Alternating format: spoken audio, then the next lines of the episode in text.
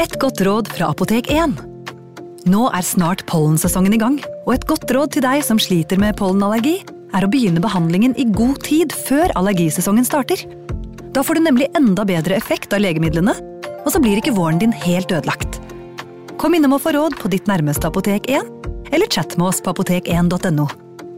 Apotek 1 vår kunnskap, din trygghet.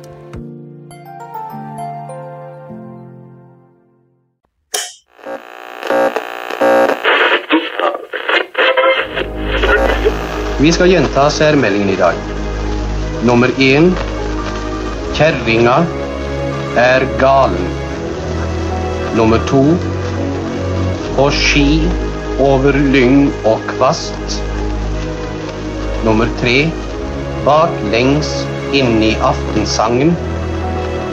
Baklengs inn i aftensangen.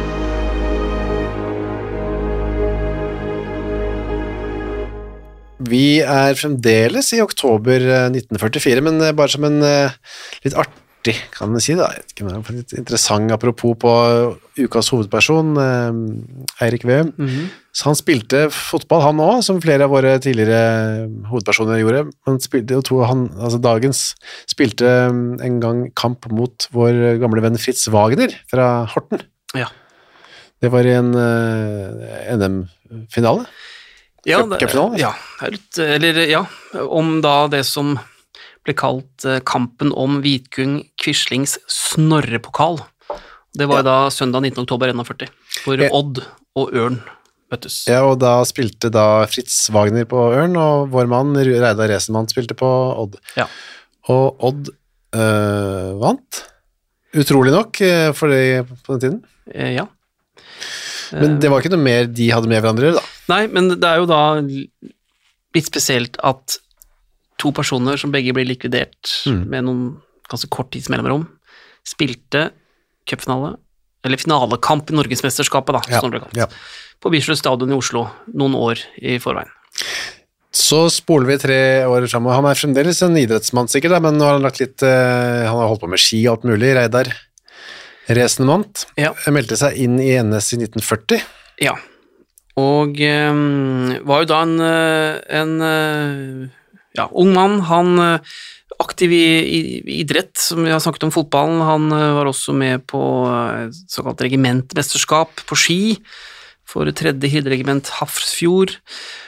Og eh, ja, var med både i hopp og, og ski og, og flere ting, og meldte seg da også inn da i Nasjonal Samling 30. oktober eh, 1940 kan man si kort, han, han var jo en bonde, bondegutt, kom fra, fra gård og um, en liten bygd da, som het Skafså, som ligger oppe i øvre eh, Telemark, men eh, flytta etter hvert ned til Skien, da, så det er jo der vi er i denne, denne episoden her. Ja. I Skien, ja. Ja. Eh, mesteparten av den, i hvert fall. Ja. Um, han hadde en familie på uh, Skafså, uh, hadde hatt litt trange kår, så han var vokst opp med litt sånn uh, tunge tider økonomisk. De måtte flytte fra gården, for den ble solgt på tvangsseksjon i 27, og så flytta de tilbake igjen. Så det var sikkert en litt sånn rotløs barndom. Da, Ja, det, det åpenbart, og dette var jo også vanlig for mange bondefamilier mellom første og andre verdenskrig Ja. i Norge. Altså, man måtte selge, selge gården, det var veldig trangt økonomisk, en del flytta inn til byene, eh, andre måtte kanskje dra tilbake til bygda for å få det til å gå rundt. Um, ser her at um, mange av barna, og også Reidar Resenmant, de tar seg jo uh, betalt arbeid ved siden av det de måtte få av skolegang. Eh, Han her jobber da i en slakterforretning eh, nede i Skien, da, i og for seg som faren hans, uh, faren hans drev. Eh, 16-åring så begynner han å jobbe i en, eh, i en skofabrikk.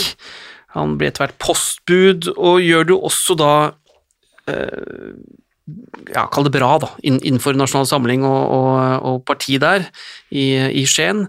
Går inn i Hirden, uh, hvor han etter hvert blir lagfører. Så det man ofte blant de som blir partimedlemmer og som kommer fra veldig fattige kår, er jo at her, her, eh, her opplever du jo kanskje en form for suksess, da, som, ja. som de kanskje ikke hadde hatt så mye av tidligere. Ja, det var kort vei til å klatre på en måte i rekkene hvis du først meldte deg inn i NS i disse årene her. I motsetning til at det var på en måte ikke så mange om beinet heller. Nei, um, Reidar Esmant han, eh, han møter jo etter hvert da en, eh, en ung kvinne som han gifter seg med i februar 1942. Grete Karlsen het hun, også hun var da fra Skien. Og så får de en datter ganske raskt, og det er også noen forklaring på at um, at Mant eh, kutter ut all den idretten han drev med, Ja. og nå etter hvert må konsentrere seg da om uh, sin uh, sin kone og, og sitt barn, og, så, og, og da denne jobben han har da etter hvert som postbud. Ja. Så var han også innom eh, tjeneste i Føregarden, altså personlig vaktstyrken til Quisling. Ja, han, eh, altså, han, han var jo da, eh, som jeg nevnte, aktiv i partiarbeidet, og, og jobber da etter hvert i tillegg til jobb som postbud, så får han en administrativ jobb i, eh, i Nasjonal Samlings eh, og dette Hirderegimentet i Telemark. Eh, Etter hvert så går han inn i aktiv tjeneste, som du sier, for Føregarden. Der blir han ja, han er registrert i tjeneste fra november 1943, eh, og dette er jo som du sier da denne personlige vaktstyrken til, til Vidkun Quisling.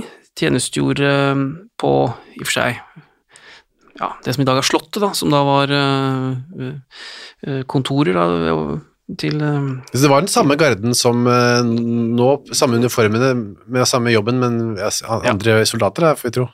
Ja, og med en annen, kall det over, overkommandør. Og, eh, Men her, her gikk det da på å forsvare regimets ledere, ledere, være da en personlig vaktstyrke, og eh, mottoet her var jo 'aldri vike, aldri svikte', og eh, tapper og tro. Og eh, som du sier, eh, som jeg også skriver her, da, i, de kalte dem rockjegere, det er da en styrke som, som minnet om dem, den man hadde før krigen, som da ble kalt Hans Majestets Kongens Garde, og som fortsatt finnes. Ja.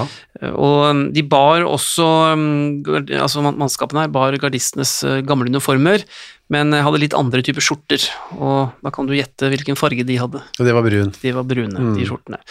Men, uh, men det var jo da altså ikke kongefamilien og, og kongeeiendommene som man skulle passe på, men det som da het ministerpresident Vidkun Quisling, og, og der han bodde, og, det han, uh, og, og- der han var, og hadde sitt, uh, sitt arbeidssted på Slottet. Og det er mens eh, Mant jobber der, altså er der, tjenestegjør der i Føregarden, så får han et tilbud. Han kan si nei til, men han velger kanskje ikke gjøre det. Ja, vi, vi kommer altså nå frem til våren 1943, og nå har Mant gått lei av denne tjenesten i Føregarden, og han får da tilbud om å gå inn i en form for en tjeneste for det tyske sikkerhetspolitiet. Og det Mant på den tiden her har kommet frem til, er at han er lei av den, øh, den vakttjenesten, altså Føregarden, og han føler seg også uskikket, som han selv sa. Han var plattfot, svaksynt og fargeblind. Ja. Rart han fikk jobb i utgangspunktet. Det kan man si. Det var, de sto ikke i kø eh, for å få tjenestegjøre der. jo kanskje ikke.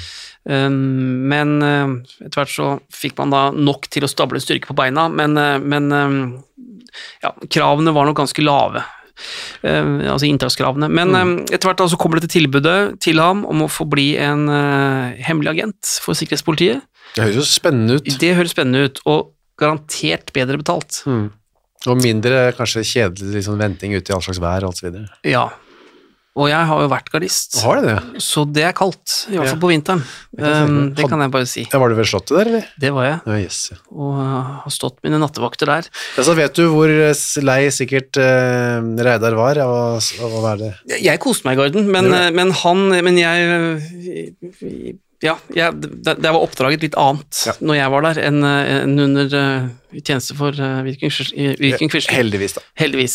Men um, han får da jobb med å jobbe for, uh, for Gestapo, og der skal han, som det står, uh, og som han forklarer selv seinere, fungere som infiltratør og angiver i sine hjemtrakter, som da er området i Skien og i Telemark. Det og en, annen, ja, og en annen fordel, da, at han kan dra hjem til familien og bo da tydeligvis da med, med kona og den lille datteren som da er i Skien. Men det er en, noe han må gjøre før det, da, for at det skal fungere, denne planen om at han skal bli hemmelig agent. Ja, og det er jo det som er um, Som senere taler litt imot uh, Mant, fordi han da viser at han går inn, et, inn i dette her veldig bevisst. Fordi han da får beskjed om å bli enig med da det tyske sikkerhetspolitiet at han skal, det er at han må gi eh, miljøet, om, altså lokalmiljøet, dit han da flytter, altså til sitt gamle hjemsted. Han må gi inntrykk av at han har brutt fullstendig med Nasjonal Samling og dette føregardmiljøet da i Oslo. Ja. Så han må overbevise omgangskretsen om at Nasjonal Samling, det er jeg ferdig med. Og øh, han har jo da en, øh, ja, kall det en øh, føringsoffiser, eller hva jeg skal kalle det. En, en person han da har kontakt med, det er en, en mann som heter Bernt Oddmar Larsen. Han var hirdfylkingsfører i Skien, også er tidligere frontkjemper i Den norske legion. Og det var jo også øh, Larsen som hadde tatt kontakt med Mant for å få han da øh, inn i det tyske sikkerhetspolitiets øh, tjeneste. De må ha vært eh, kjent til hverandre på en eller annen måte? De Og, ja, åpenbart. Og, og det er jo ikke så i og for seg rart. Han var hirdfylkingsfører i Skien. Nå hadde Mant øh, tidligere tjenestegjort i Nasjonalsamling i, i Skien, så Ja. de, har nok, de har nok vært kjent der. Han takker ja da, Reidar, til dette her. Ja, det er det han gjør, for å si det kort og greit. Han, øh, han, han takker ja, så øh, vil han dimittere fra vaktstyrken. Han melder seg ut av Nasjonal Samling, og sier samtidig da opp øh, stillingen i postvesenet. Og det jeg har funnet øh, i kilden her, er at partimedlemskapet i NS blir avsluttet da 15. mars 1943. Og så flytter Reidar Resen Mant sammen med kona si eller det er planen at han skal flytte sammen med kona si hjem til sin mor, Mm. som da bor på denne familiegården i Skafsod, som de nå har kommet tilbake til. Og tilsynelatende brutt alle br brent alle broer, da. Ja, og der er jo også ja, beskjeden han har fått fra Bernt Oddmar Larsen da, og, og hans folk i det tyske sikkerhetspolitiet, at nå må han endre atferd. Han eh, må hele tiden fremstå som om at han har brutt av all kontakt med sitt tidligere miljø, altså NS-miljøet. Han må ikke ha noen kontakt med, med, med personer som tilhører Nasjonal Samling, eller noen i det hele tatt i lokalmiljøet som blir sett på som, eh, som tyskvennlige, eller, eller omtalt som nazister eller noe sånt. Altså, her skal han vise at jeg tok feil, nå er jeg på den rette siden, altså jeg støtter opp om det norske motstandsarbeidet. Mm. Kona, hvor mye visste hun? Det er litt uklart hvor mye hun egentlig var klar over det som foregikk, men hun hadde jo da holdt sammen med han mens han var i tjeneste for Førregarden, og fortsatte når han da hoppet av. Så det blir litt sånn spekulasjoner hva hun øh, Men hun valgte iallfall å stå øh, ved siden av ham, både i den ene, på den ene og andre tjenesten. Så da var planen de kom seg dit. Da denne nyomvendte mm, motstandsmannen Mant skulle da prøve å komme seg inn i motstandsmiljøet i nærheten av hjemstedet. Ja. Og spesielt til én konkret person, da. Ja, altså Han har en bror som heter Torkjell Resen Mant, og han er jo aktiv i en illegal gruppe. Han er motstandsmann fra før ja. Nettopp. Ekte. Og det tenkte man kanskje ville gjøre det lettere for Reidar å få innpass i, i motstandsmiljøet i Telemark, fordi han da hadde en bror der, og han hadde bevist at han hadde brutt med nasjonalsosialismen, og at han nå ville da kjempe mot okkupasjonsmakten som en del av motstandsarbeidet med broren sin Ja. og miljøet hans. Det føltes mer sannsynlig, på en måte. Det altså Når det er familie, og det vet jo alle, da, da, blir jo man, Da forsvinner jo også litt av Altså, man vil jo så gjerne tro. Man vil jo så gjerne stole på. Mm. Yes, da er han tilbake der, sommeren 1943, og da begynner han, eh, så ett år og noen måneder da, mm. holder han på. Og det, da begynner han å infiltrere. Ja, han eh, kommer seg eh, Han, kommer, seg- eller han bruker mye tid på, tid på dette her. Han, eh, han eh, har jo nå kommet eh, veldig sånn på innsiden av familien sin igjen, som da var veldig imot at han hadde valgt Nasjonal Samling og den andre siden tidligere. Og mm, han kommer etter hvert over opplysninger om motstandsarbeidet, greier å komme seg på innsiden etter hvert. Han rapporterer et, Altså, etter en stund så begynner det å komme da rapporter inn til det tyske sikkerhetspolitiet om eh, det som foregår, og man begynner å få eh, ganske god oversikt over motstandsmiljøet i denne delen av Telemark. Det er um, ikke noe sånn tilfeldig og, og, og altså Etterpå ble det vanskelig for Reidar Esen Mandt å, å, forklare det her, eller forsvare seg, fordi dette skjer i og for seg med, med kodete og, og anonyme brev det er, et spill, det er, et organisert arbeid hvor hensikten er åpenbar, måten det gjøres på er etter hvert ganske ja, kan vi si, avansert, og alt handler da om å gi det tyske sikkerhetspolitiet, da, både i Skien og etter hvert også i Larvik, god nok informasjon om motstandsmiljøet, som da Reidar Resensmanns bror også er en del av. Første gang det tjenes med et uh, Ingvald Halvorsen, og så han, tok han det videre til denne Larsen, da, som var uh, ja. det du kalte for føringsoffiser, Bernt Oddmar. Ja, eller, eller kall det hovedkontakt, da, ja, i, på, ja, inn mot det tyske sikkerhetspolitiet. Ja, Han var egentlig frisør, det er jo også litt morsomt. Ja. Um, han kalte seg for Odd Klever, Mant. Det var kodenavnet hans. Det var, det var hans kodenavn. Uh, han brukte ikke sin egen identitet, men det er klart broren og, og kretsen rundt han uh, var jo klar over den, selvfølgelig. Så kommer han, han får litt tillit uh, blant motstandsfolkene. Ja, og etter hvert så blir han også en del av en mindre betrodd krets, som da har god oversikt og, og, god kjennskap til det som foregår, og de må ha stolt veldig på ham, fordi han blir jo ganske raskt Eh, plukket ut til å delta på et våpeninstruksjonskurs. Så det er ikke noe tvil om at infiltreringen hadde vært vellykket, og det er heller ikke noe tvil om at Reidar Esemant visste hva jobben hans var, altså hva oppdraget gikk ut på. Det som uh, gjør han enda mer uh, betrodd, er jo at han gir informasjon til motstandsfolkene om tyskerne og NS-miljøet i Skien. Ja, og det, da kan man tenke seg han ble sett på som en god kilde og verdifull ved at han kjente eh, Kall det motstanderen, da, altså mm. som du sier, NS og, og tyskerne, fra innsiden. Ja. Og eh, det ga han jo eh, det ga han jo en, en, enda større verdi, og han greide også etter hvert å få tak i ja, blant annet en, en nøkkel da, til Hirdehuset Skien, som det ble tatt en kopi av, og, og det gjorde at han også i og for seg var, var, viktig for å kunne få tak i opplysninger hos okkupasjonsmyndighetene og okkupasjonsmakten, som mm. da motstandsmiljøet kunne ha nytte av. Men dette var da informasjonen som eh, de hadde klarert, det var jo ikke noe hemmeligheter som Nei, de. Alt var avtalt spill her, og denne nøkkelen han fikk tak i, var jo selvfølgelig ikke tilfeldig. Nei. Og um, Ganske uspekulert opplegg, ja, da. Det er, det er det det er, og det er, det, er det som eh, Reidar Essemann får problemer med å, å, forklare og forsvare seg mot seinere, fordi dette er så avtalt, og det går over så lang tid. Mm.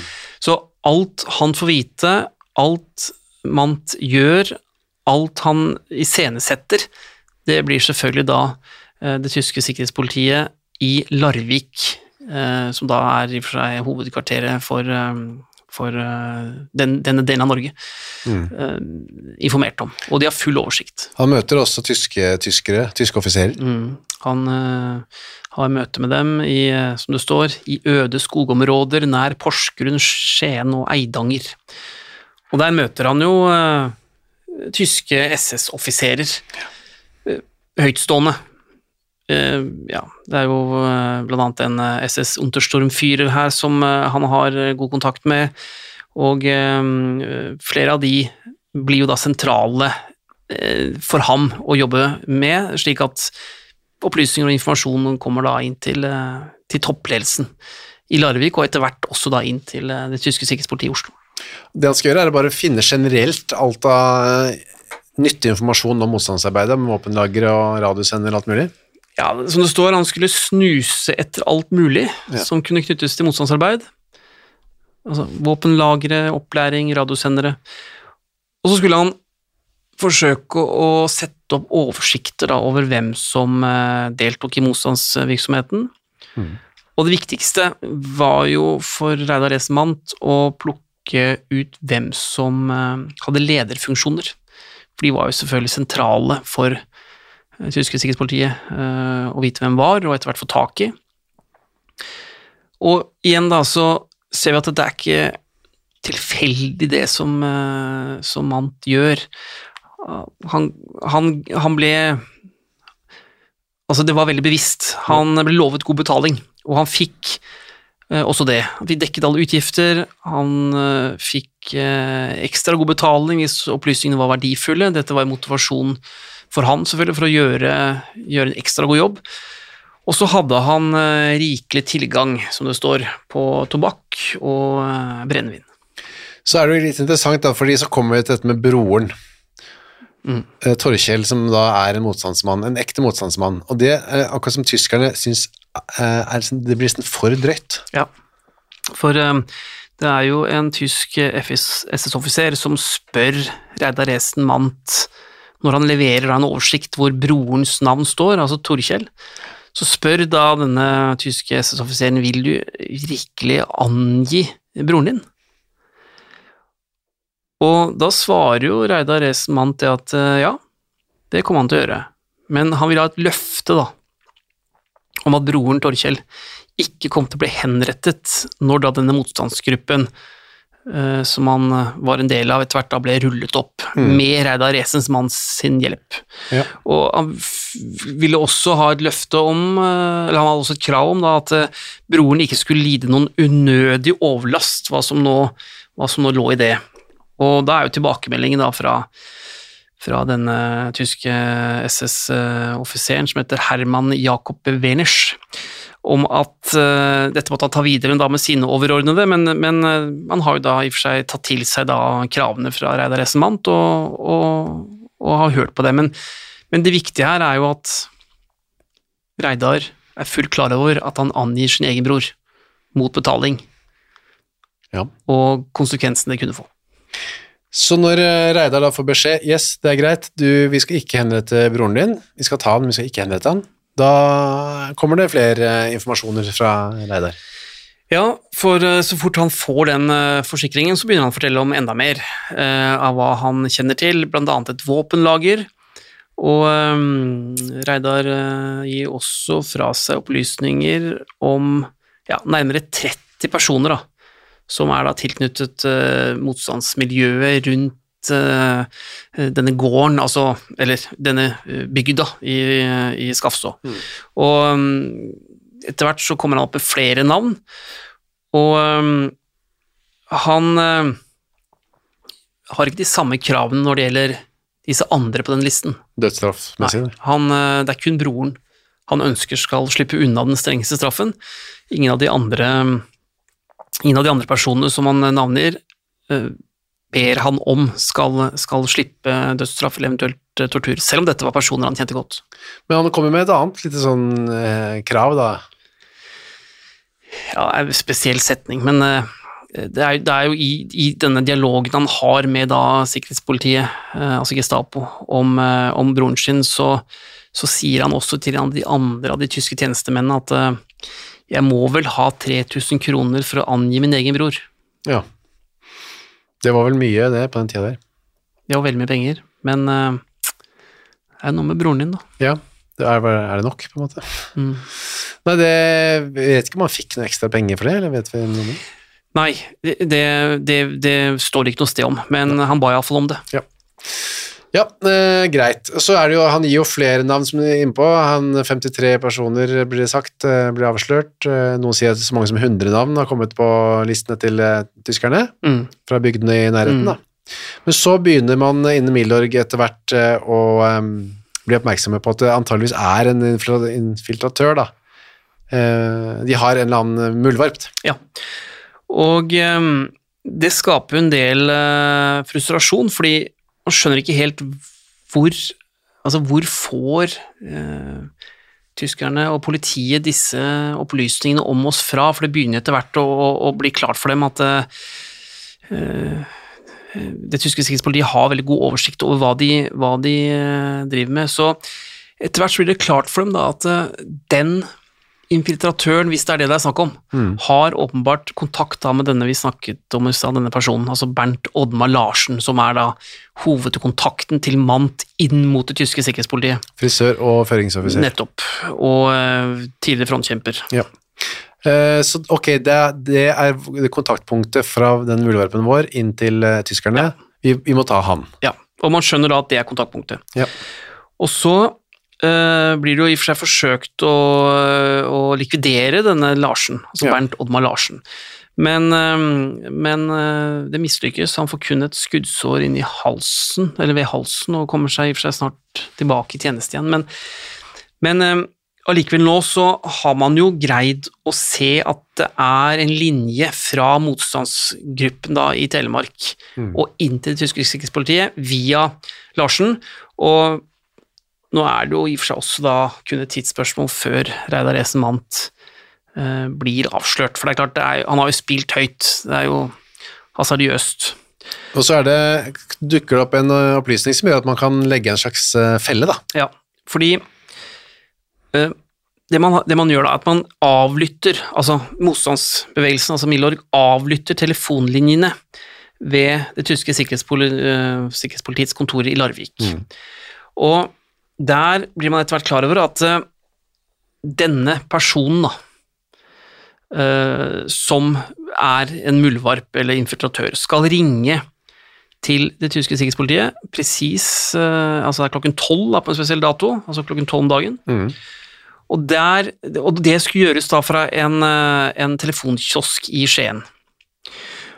Og den dagen dette skjedde, eller skulle skje, så satte man ut um, ja, Kall det overvåking, eller vakter eller spanere, da, fra, fra, fra Milorg eller fra motstandsmiljøet, eh, ved alle telefonkioskene i, eh, i eh, Skien. Ja. Og um, da skulle man da følge med på hvem som eventuelt da brukte telefonen uh, på det tidspunktet som man visste at denne telefonsamtalen skulle, skulle, skulle komme inn. Og um, så eh, satt man samtidig og avlyttet eh, linjene, og noen minutter da, eh, over klokken tolv denne konkrete dagen, så hadde det da ringt en person som presenterte seg som Odd Klever. Og denne, denne samtalen hadde gått fra en telefonkiosk ved Landmannstorget da i, i Skien.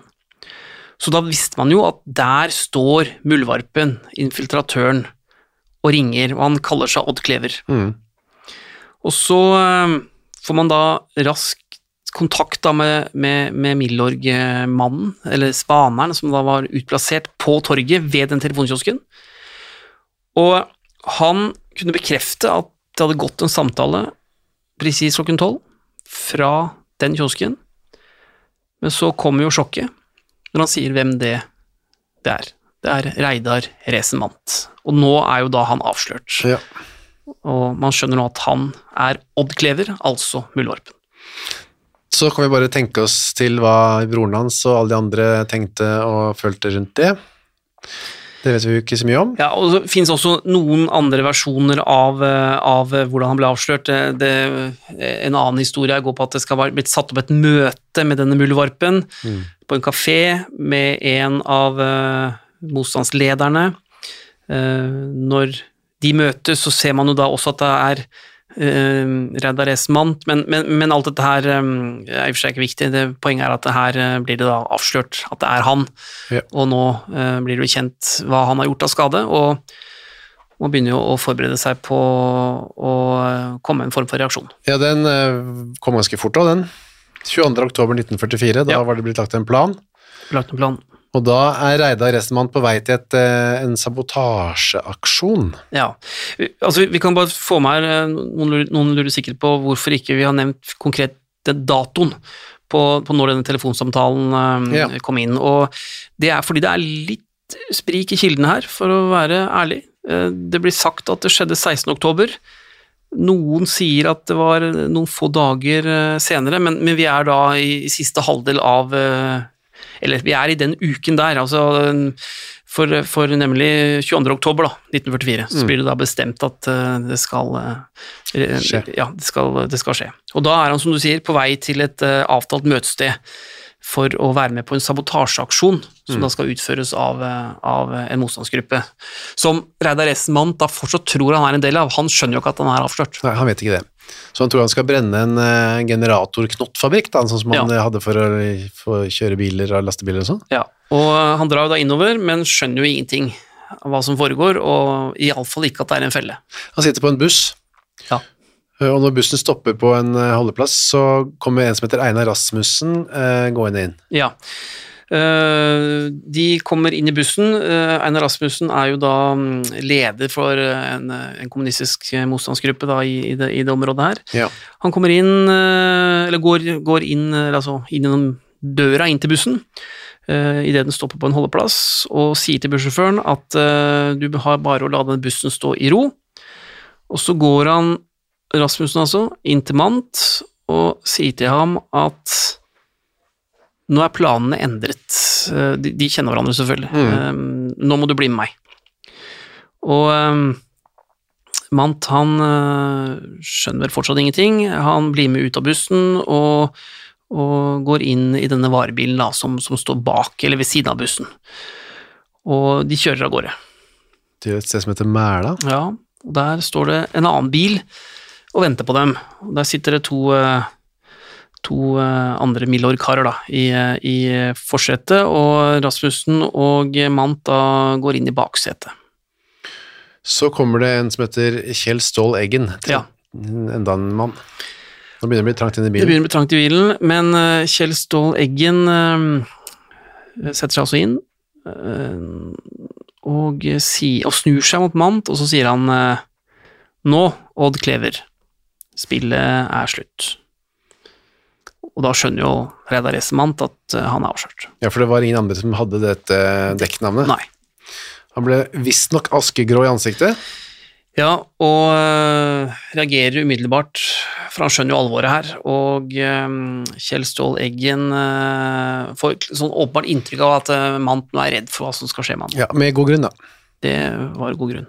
Så er det eh, to dager senere er det en eh, tysk eh, Altså det er han Larsen, frisøren Larsen. Ja, kontaktpunkt inn mot sikkerhetspolitiet. Han er bekymret for sin gamle venn og kontakt. Ja, for det går et par dager, og øhm, de, de skjønner ikke hvor han har blitt av. Odd, eller Reidar Esmant, altså Odd Klever.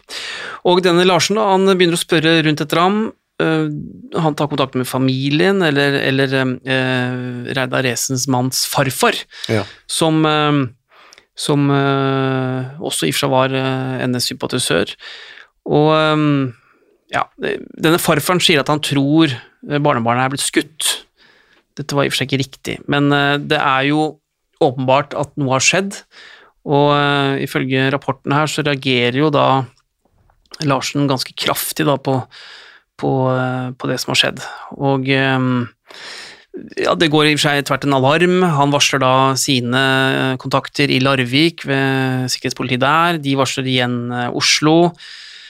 Um, ja um, Det er fortsatt avlytting av telefonsamtalene her, så det man fanger opp, er at man eh, man tror da at en av eh, informantene nå er avslørt, og må ses på som tapt, er det som blir sagt eh, sånn eh, oppsummert da i de samtalene. Det er selvfølgelig med på å bekrefte det man tror, da, og har fått i og for seg allerede Mm. avslørt, da. om- At det var han, ja. At det var han, ja. Det som hadde skjedd, hva hadde skjedd? Nei, altså han ble da ja, han ble bortført eller, eller tatt med, og det eh, Han, eh, han eh, Reidar Essemant fraktes da til en liten hytte. Ja, en slags sånn tømmerkoie, nærmest. Um, den ligger nede ved et tjern som, eh, som kalles Nedre Blesa, på Luksefjell, da, utenfor, eh, utenfor Skien. Ja, så det er langt til skogs opp Langt mot fjellet? Langt til skogs opp mot fjellet, ja. Og der blir han avhørt av Gregers Gram, kjent fra de som leser litt krigshistorie. Max Manus-gjengene, Oslo-gjengene og sånn? Ja, og um, Gregers Gram er jo i og for seg er jo da den- som, som avhører ham og for, forsøker å få klarhet i hva, hva, hva dette er. Og i de samtalene så er, ifølge rapporten iallfall, så er Mant øh, ærlig, oppriktig med det som har skjedd, Og han forteller da til Gram at, um, at han da ble håndplukket fordi han fremsto som snill, godmodig og blåøyet, en kar som lett ville vekke tillit, og Ja. derfor ønsket det tyske sikkerhetspolitiet å bruke ham som informant. Han sa også at han hadde følt seg truet, nærmest. Og det er noe han, den versjonen holdt han på hele veien, mm. at han gjorde det fordi han var redd. Og um, etter hvert så hadde han sagt ja, kanskje mest for å komme seg ut av førergarden, og etter hvert så rotet seg inn i et spill da, som det ikke var mulig å komme seg ut av. Og, og denne Bernt Oddmar Larsen som vi har hørt litt om nå, han, um, han, uh, han sa til det, du kan ikke trekke deg nå. nå, nå har du sagt ja, og da må du være med hele veien. Um, Etter hvert så ble det jo vanskelig fordi dette partimedlemskapet da var blitt avsluttet, han hadde fått slippe ut fra, fra førergarden, så eh, etter hvert så ble han lovet god betaling, han skulle få dekket alle sine utgifter, og annen, et annet løft splitt da, var at han eh, skulle da få en, en god jobb etter krigen i statspolitiet. Mm. Selv om han var både plattfot og Svaksynt. og fargeblind, så skulle han få jobbe der. Og så, ifølge han sin, sin egen forklaring da, som han gir til Gregers Kram, så, så vurderte han å rømme fra alt sammen, og altså stikke av, og ville ikke være med på dette, men, men, men, men han turte ikke fordi han var redd for hva som kunne skje med kona hans og lille datteren. Han har også vurdert å snakke åpent til broren sin og fortelle hele greia. Ja, men det, det gjorde han heller ikke. Um, ifølge rapporten da, som uh, Greger Skram uh, skrev, som jeg i og for seg har lest, så fortalte Mant uh, villig vekk, står det, om tjenesten sin for det tyske sikkerhetspolitiet. Og overhodet var han liksom helt forsvarsløs da han først sprakk, og han sprakk meget fort, Ja. sier han. Ja, Så det rant ut av han, da. ja. Og um, Gram var også tydelig på i rapporten sin at uh, han ikke hadde noen grunn til å tro at Mant snakket usant eller forsøkte å dekke bevisst over opplysninger. Og han trodde også at eh, Mant fortalte alt han, eh, han uh, visste, og at det bare, som du nevnte, rant. Og sprakk ja. Mm. Og uh, Gregers Gram skriver også at han syns Mant virket svak og karakterløs, og eh, at strategien hans tydelig gikk ut på å erkjenne det som var nødvendig, og dermed bli internert et eller annet sted til krigen var over. Men eh, samtidig så virker det i rapporten som om uh, Mant var ganske sikker på at eh, han kom til å overleve det her. Altså, han fryktet ikke for sitt liv. Nei. Han virket rolig hele veien. Du har fortalt han lite, han hadde lite andre liksom, godsaker til motstandsfolka. Det var ikke så mye han kunne fortelle om andre nordmenn som angiver osv. Nei, han holdt, øh, han holdt øh, historien, øh, historien om seg selv, og det, det som kunne bevises, mens det meste annet, annet ble holdt unna. Og øhm, i rapporten da, så kommer det også hvert, etter hvert frem fra Gregers Gram om Reidar Esenmant at han var en ondartet type. Tillitsvekkende, blåøyet, men uten enhver antydning til karakter. Et kreatur som kunne gjort enda mye mer skade om han hadde fått uh, fortsette. De kommer også fram, finner også ut at dette med broren, da.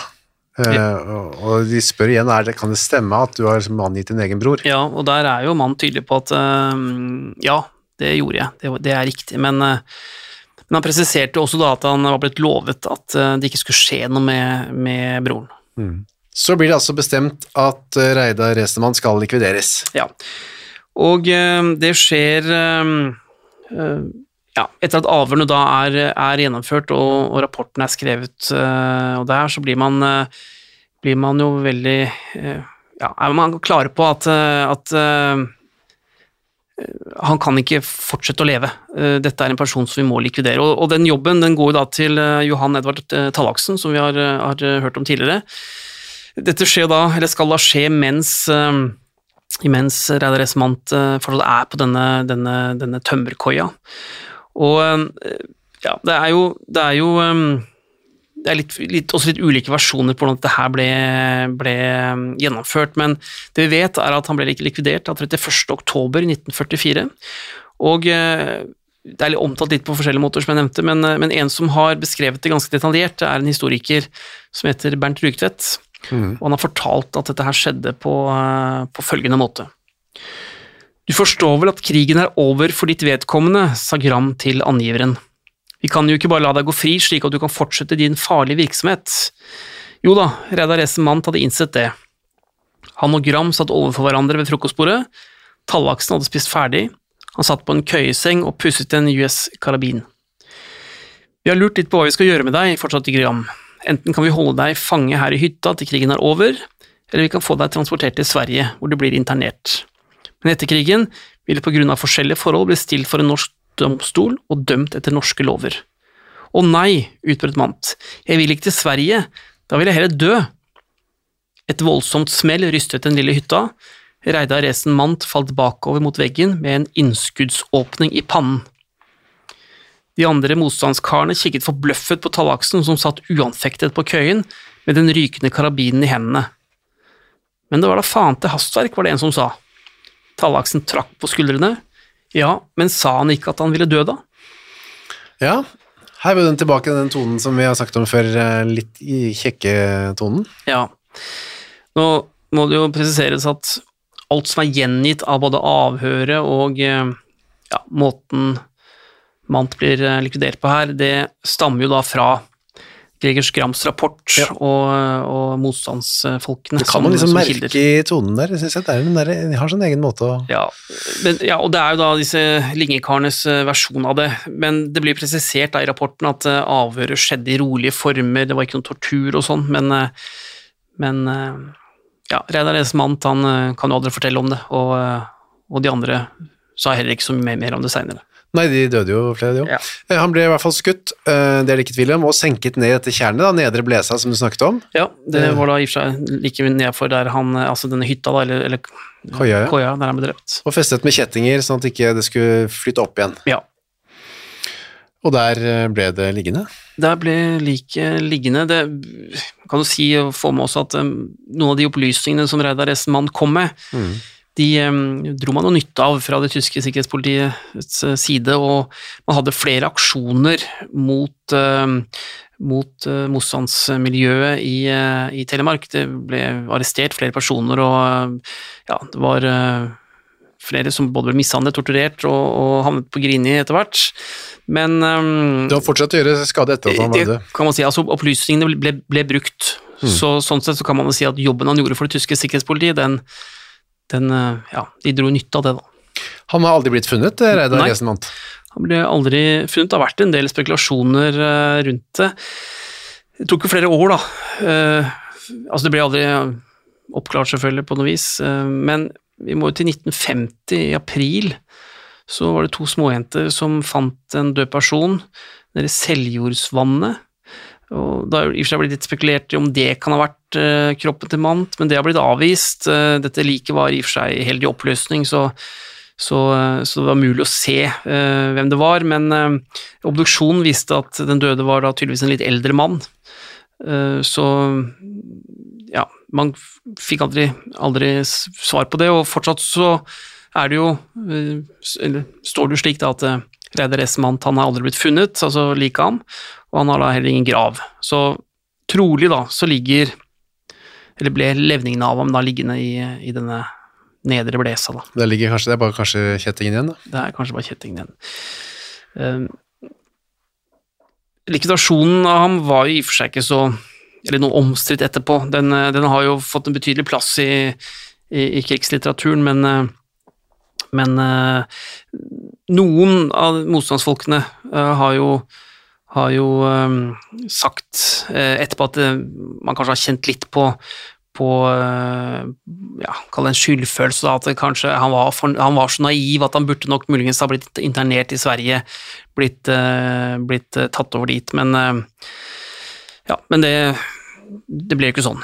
Så kan vi også ta med at to uker senere, da, etter det her, da er det jo Johan Edvard Ta- Tallaksen og Greger Skram da havner i denne trefningen på Plasskafeen i Markveien 35 i Oslo Mm. veldig kjent gjennom filmen Max Manus, hvor Greger Skram ble drept, og Tallaksen eh, såret, arrestert, og, og han tar jo da sitt eget liv eh, 29. november da, i 1944 etter omfattende tortur og, og mishandling under avhør med Gestapo. Så dette var den siste likvidasjonen de var med på. Ja. Mm, Fram og tilbake. ene siden slår til, og så er den andre sin tur. Ja, det er jo litt omfattende og komplisert en historie om Reidar Essenmant, men den sier jo noe om hvor innfløkt det var, hvor kall det avansert, planlagt, og, og hvilke krefter motstandsmiljøet står for, og, og hvordan de greide å slå tilbake, som i dette tilfellet. Neste uke skal vi til Bergen, Vi skal til Bergen igjen. men eh, det blir først da om en uke. Takk for denne gangen. Selv takk.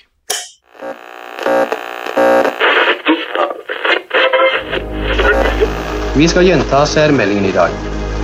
Nummer én Kjerringa er galen. Nummer to På ski over lyng og kvast. Nummer tre Baklengs inn i aftensangen. Baklengs inn i aftensangen.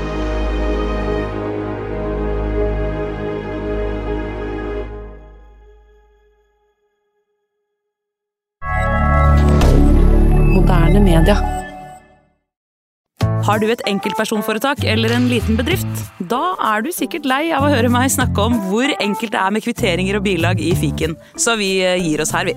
Fordi vi liker enkelt. Fiken superenkelt regnskap.